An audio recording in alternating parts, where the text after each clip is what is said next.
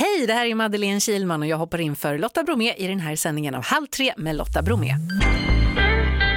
Hej! Ja, hej, vad roligt att vara här med dig och alla dina kamrater. Ja, men jag märker verkligen att du tycker det. Vad är det med radio som är så härligt? Alltså det är min stora kärlek egentligen när man ska vara ärlig. De sa att min röst passade väldigt bra för radio, det blir man ju glad av att få höra. Men jag tycker om närheten, man kan, folk kan stå och måla eller mecka med bilen eller vara var helst i världen och kan lyssna på oss. Det är, jätte, det är mycket mer smink med tv Ja. om man säger så. Men det var kul också. Mm. Du har gjort väldigt mycket tv. Jag har gjort väldigt mycket tv, ja. Alltså jag sa ju det, det är 617 program av Fråga doktorn och sen var det ju fyra år med God kväll. Mm. Vad, vad, det är svårt såklart, men vad är det roligaste som har hänt?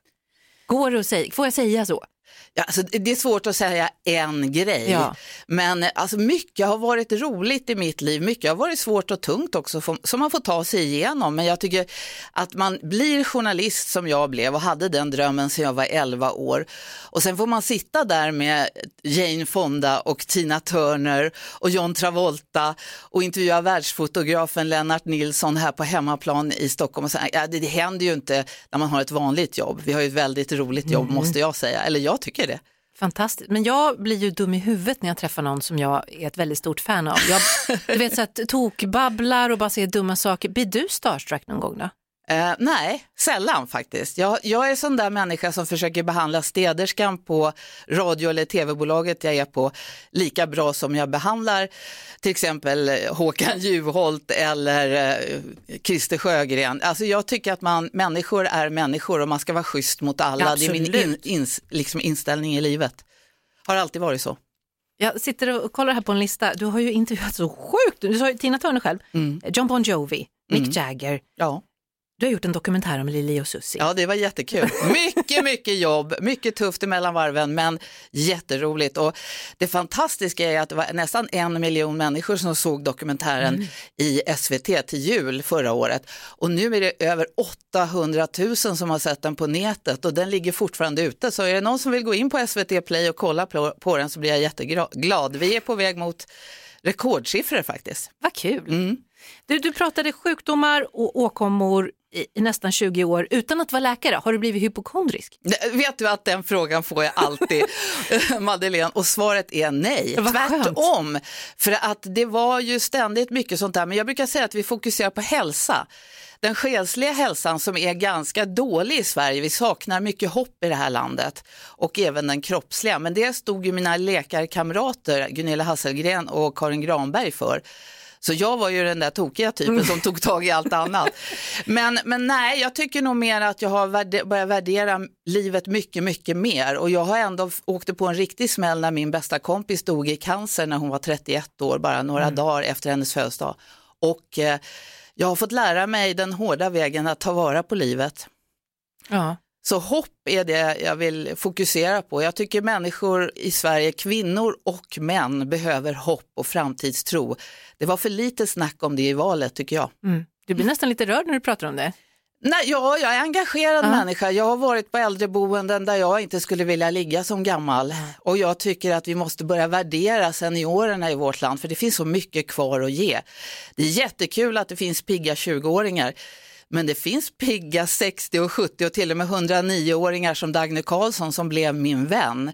Och de måste vi också ta vara på. Susanne Axel är här och hänger med oss idag, känd bland annat från Fråga doktorn men mycket, mycket annat. Och du släpper bok snart. Ja, alltså det är helt fantastiskt. Jag är jättemallig och jätteglad. Jag jobbar som en iller och eh, nu är den snart ute. Den kommer ju till helgen nu. Och så har jag läst in ljudboken alltså. Det var ju en Åh, vad roligt! Ja, det var en speciell grej för jag- jag är ju van vid mikrofoner och så från radion, men alltså alla radioåren. Men att läsa in en ljudbok, det krävde någonting alltså. Alltså, jag var bra sliten i stämbanden, men hade en fantastisk ljudtekniker nere i Malmö, André Pentmo, som hjälpte mig och guidade. Jag satt i en studio här i Stockholm och han satt nere i Malmö. Och så gick det jättebra. Jag är superglad. Jag jobbar med fantastiska människor och jag är så glad över det här. Och jag önskar jag kunde säga detsamma. Jag skojar, de är fantastiska. Jag bara gråta. Nej, de är så fina. Vad handlar din bok om? Den handlar väldigt mycket om hopp. Det handlar om, jag intervjuat kända och okända kvinnor och en man eh, som har karriärer som är magnifika men som har gått igenom svåra grejer och ändå kommit ut på andra sidan. Jag vill ge hopp i den här boken att livet är inte slut för att folk sätter en siffra på dig. Gör vad du vill och ta tag i ditt liv. Och när jag intervjuade Jane Fonda så sa hon till mig att den där sista åldern man kan ha i livet, den tredje åldern som hon kallade det, den kan man göra till sin egen. Man kanske har tagit hand om föräldrarna, om barnen, varit den som har drivit hela familjen och allt sånt där. Och eh, nu kanske det är dags att börja tänka lite på sig själv. Det har varit fantastiska möten och jag är så glad. Alla jag frågade om de ville vara med i boken, alla sa ja. Hur känner du inför den här? Det är ju en, en åldersfixering i samhället. Ja, tyvärr. Hur tänker du kring det? Jag tycker att det är urfånigt och jag tycker Sverige ska sluta med det. Det här att man ska klistra åldrar på folk hela tiden. Jag har mött dödströtta 18-åringar som bara glor i mobiltelefonen. Och jag kände Dagny Karlsson, 109 år, som skuttade omkring in i studion när vi spelade in Fråga doktorn i Umeå och sånt där. Man kan inte sätta etiketter på folk, du är si eller du är så för att du har en ålder. Det finns fantastiska människor där ute som inte får en chans bara för att man stirrar på åldern. Jag har aldrig fattat det här. Vi borde göra om det här i Sverige för att vi behöver folk som kan sina grejer. Jag har en kompis som är 74 år han har fått extra jobb som sjökapten i Norge och ska köra en katamaran ända upp till Troms, Tromsö. Där kör de hårt, där vill de ha kvalitet och folk som kan sina saker. Jag tycker det är lysande. Heja Norge! Heja Norge! Men vid vilken ålder tycker du att den ålder man har ses som ett problem i samhället? Jag är inte så mycket för att fokusera på problemen Madeleine, men jag tycker att många släcker ner i Sverige alldeles för tidigt. Och hjälp, nu har jag fyllt 30 man håller ju på att garva ihjäl sig när folk säger sådär. Men du, kan ju, mm. du kan ju leva i 60 år till. Det är ingen omöjlighet idag. Liksom. Eh, jag tycker att eh, helt plötsligt ska man gå ändra kläderna och sluta göra sig fin i håret och sådana grejer. Aldrig förstått det. Tycker att det är urdumt. Man blir också väldigt glad om man ser någon kanske som är 90 som är superpiffad. Ja, det är underbart. Som lever. Min mormor var 91 år och bodde på Stora Sköndal med morfar hon hamnade på omslaget till tidningen därför att hon var så söt. Nej, men... det var så gulligt alltså, jag älskar Det är en målbild. Det är en målbild. Det är en målbild. Min mormor är en förebild för mig för hon dansade till Madonna när hon var 85. Ja, då får vi... Ser så chockad ut Madeleine. Inte alls, jag blev glad. Ja. Nej, men hon, hon gick sist hem från festerna. Och då var hon 86, 85 år sådär. Ja, det är mm. härligt. Mm. Men du har gjort så mycket. Du är också utbildad Tack. inom kriminologi, du är reseledare. Ja, det var ju när jag var 19 för tusan. ja. Jag blev nypt i häcken av en chaufför, då tyckte jag att det var dags att sluta. Bra, det tycker jag med. Man ska inte vara med om sånt där. Du är ju också söderböna. Mm. Hur många generationer? Eh, fem generationer bakåt. I Stockholm? Stockholm. Ja. Jag är väldigt stolt över det. Jag tycker att alla dialekter ska leva, jag tycker det är underbart och även min. Men man har ju fått brev om att jag säger lekare och älg och inte läkare och älg och sådär. Men det får man tugga i sig för 99,9 procent av alla som hör av sig har hört av sig till mig. De har varit jättegulliga. Jag jobbade på Stockholmsmässan igår och då fick jag rosor från publiken så jag älskar sånt där. Jag blir så varm i hjärtat av människor som faktiskt gillar den. Ja, men det här med, alltså min sambo är från Stockholm, mm. jag är ju inte det och han säger dörr, dörr, dörr med U. Gör han? Ja, det gör nog inte jag. Dörr säger jag. Gör det? Ja, ja. Mm. jag ska lära honom. Mm, jag gör det. Ja, bra. Sådär. Vilket är ditt bästa söderuttryck då? Ja, men det, alltså det kommer ibland så här, när jag jobbar i Umeå och jag sa, nej ni får vänta lite, jag måste gå på muggen, alltså jag måste gå på toaletten. Ja. Då tittar de konstigt på mig. Som att du ska krypa ner i en mugg? Nej, det nej. tror jag inte, det var gulliga och fantastiska människor. Men jag tror att det kommer ibland uttryck som jag har med mig via bröstmjölken och ryggraden. Och den kommer ju, jag är ju Hammarbyare också, när man snackar med släkten så är det blir ju liksom lite värre då om man säger så.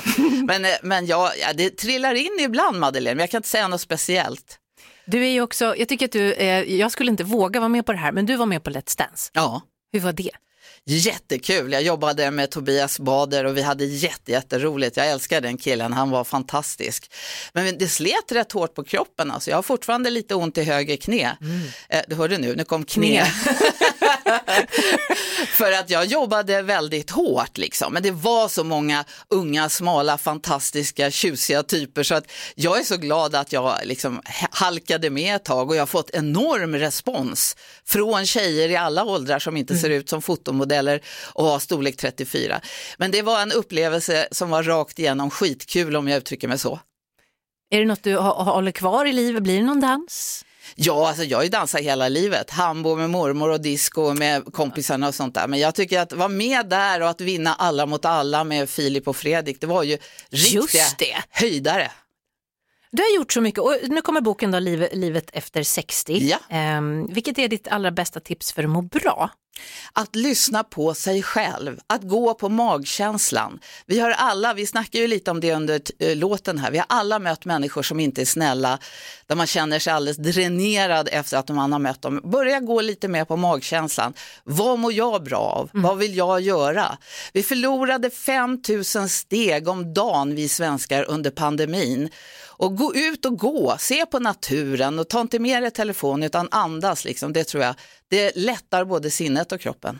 Vad ska Ja. du göra nu? Eh, jag, ska för, jag ska faktiskt gå på fest ikväll. Ja, jo, de som sköter PRen runt min bok där, Livet efter 60, de har stor jättefest ikväll. Så jag tänkte faktiskt slå mig lös nu efter allt hårt jobb och kanske dricka ett glas bubbel och träffa trevliga människor.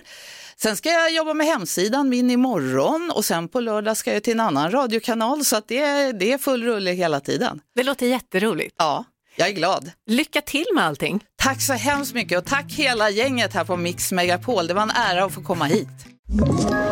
Ett poddtips från Podplay. I fallen jag aldrig glömmer djupdyker Hasse Aro i arbetet bakom några av Sveriges mest uppseendeväckande brottsutredningar. Går vi in med hemlig telefonavlyssning och, och då upplever vi att vi får en total förändring av hans beteende. Vad är det som händer nu? Vem är det som läcker? Och så säger han att jag är kriminell, jag har varit kriminell i hela mitt liv men att mörda ett barn, där går min gräns. Nya säsongen av Fallen jag aldrig glömmer på Podplay.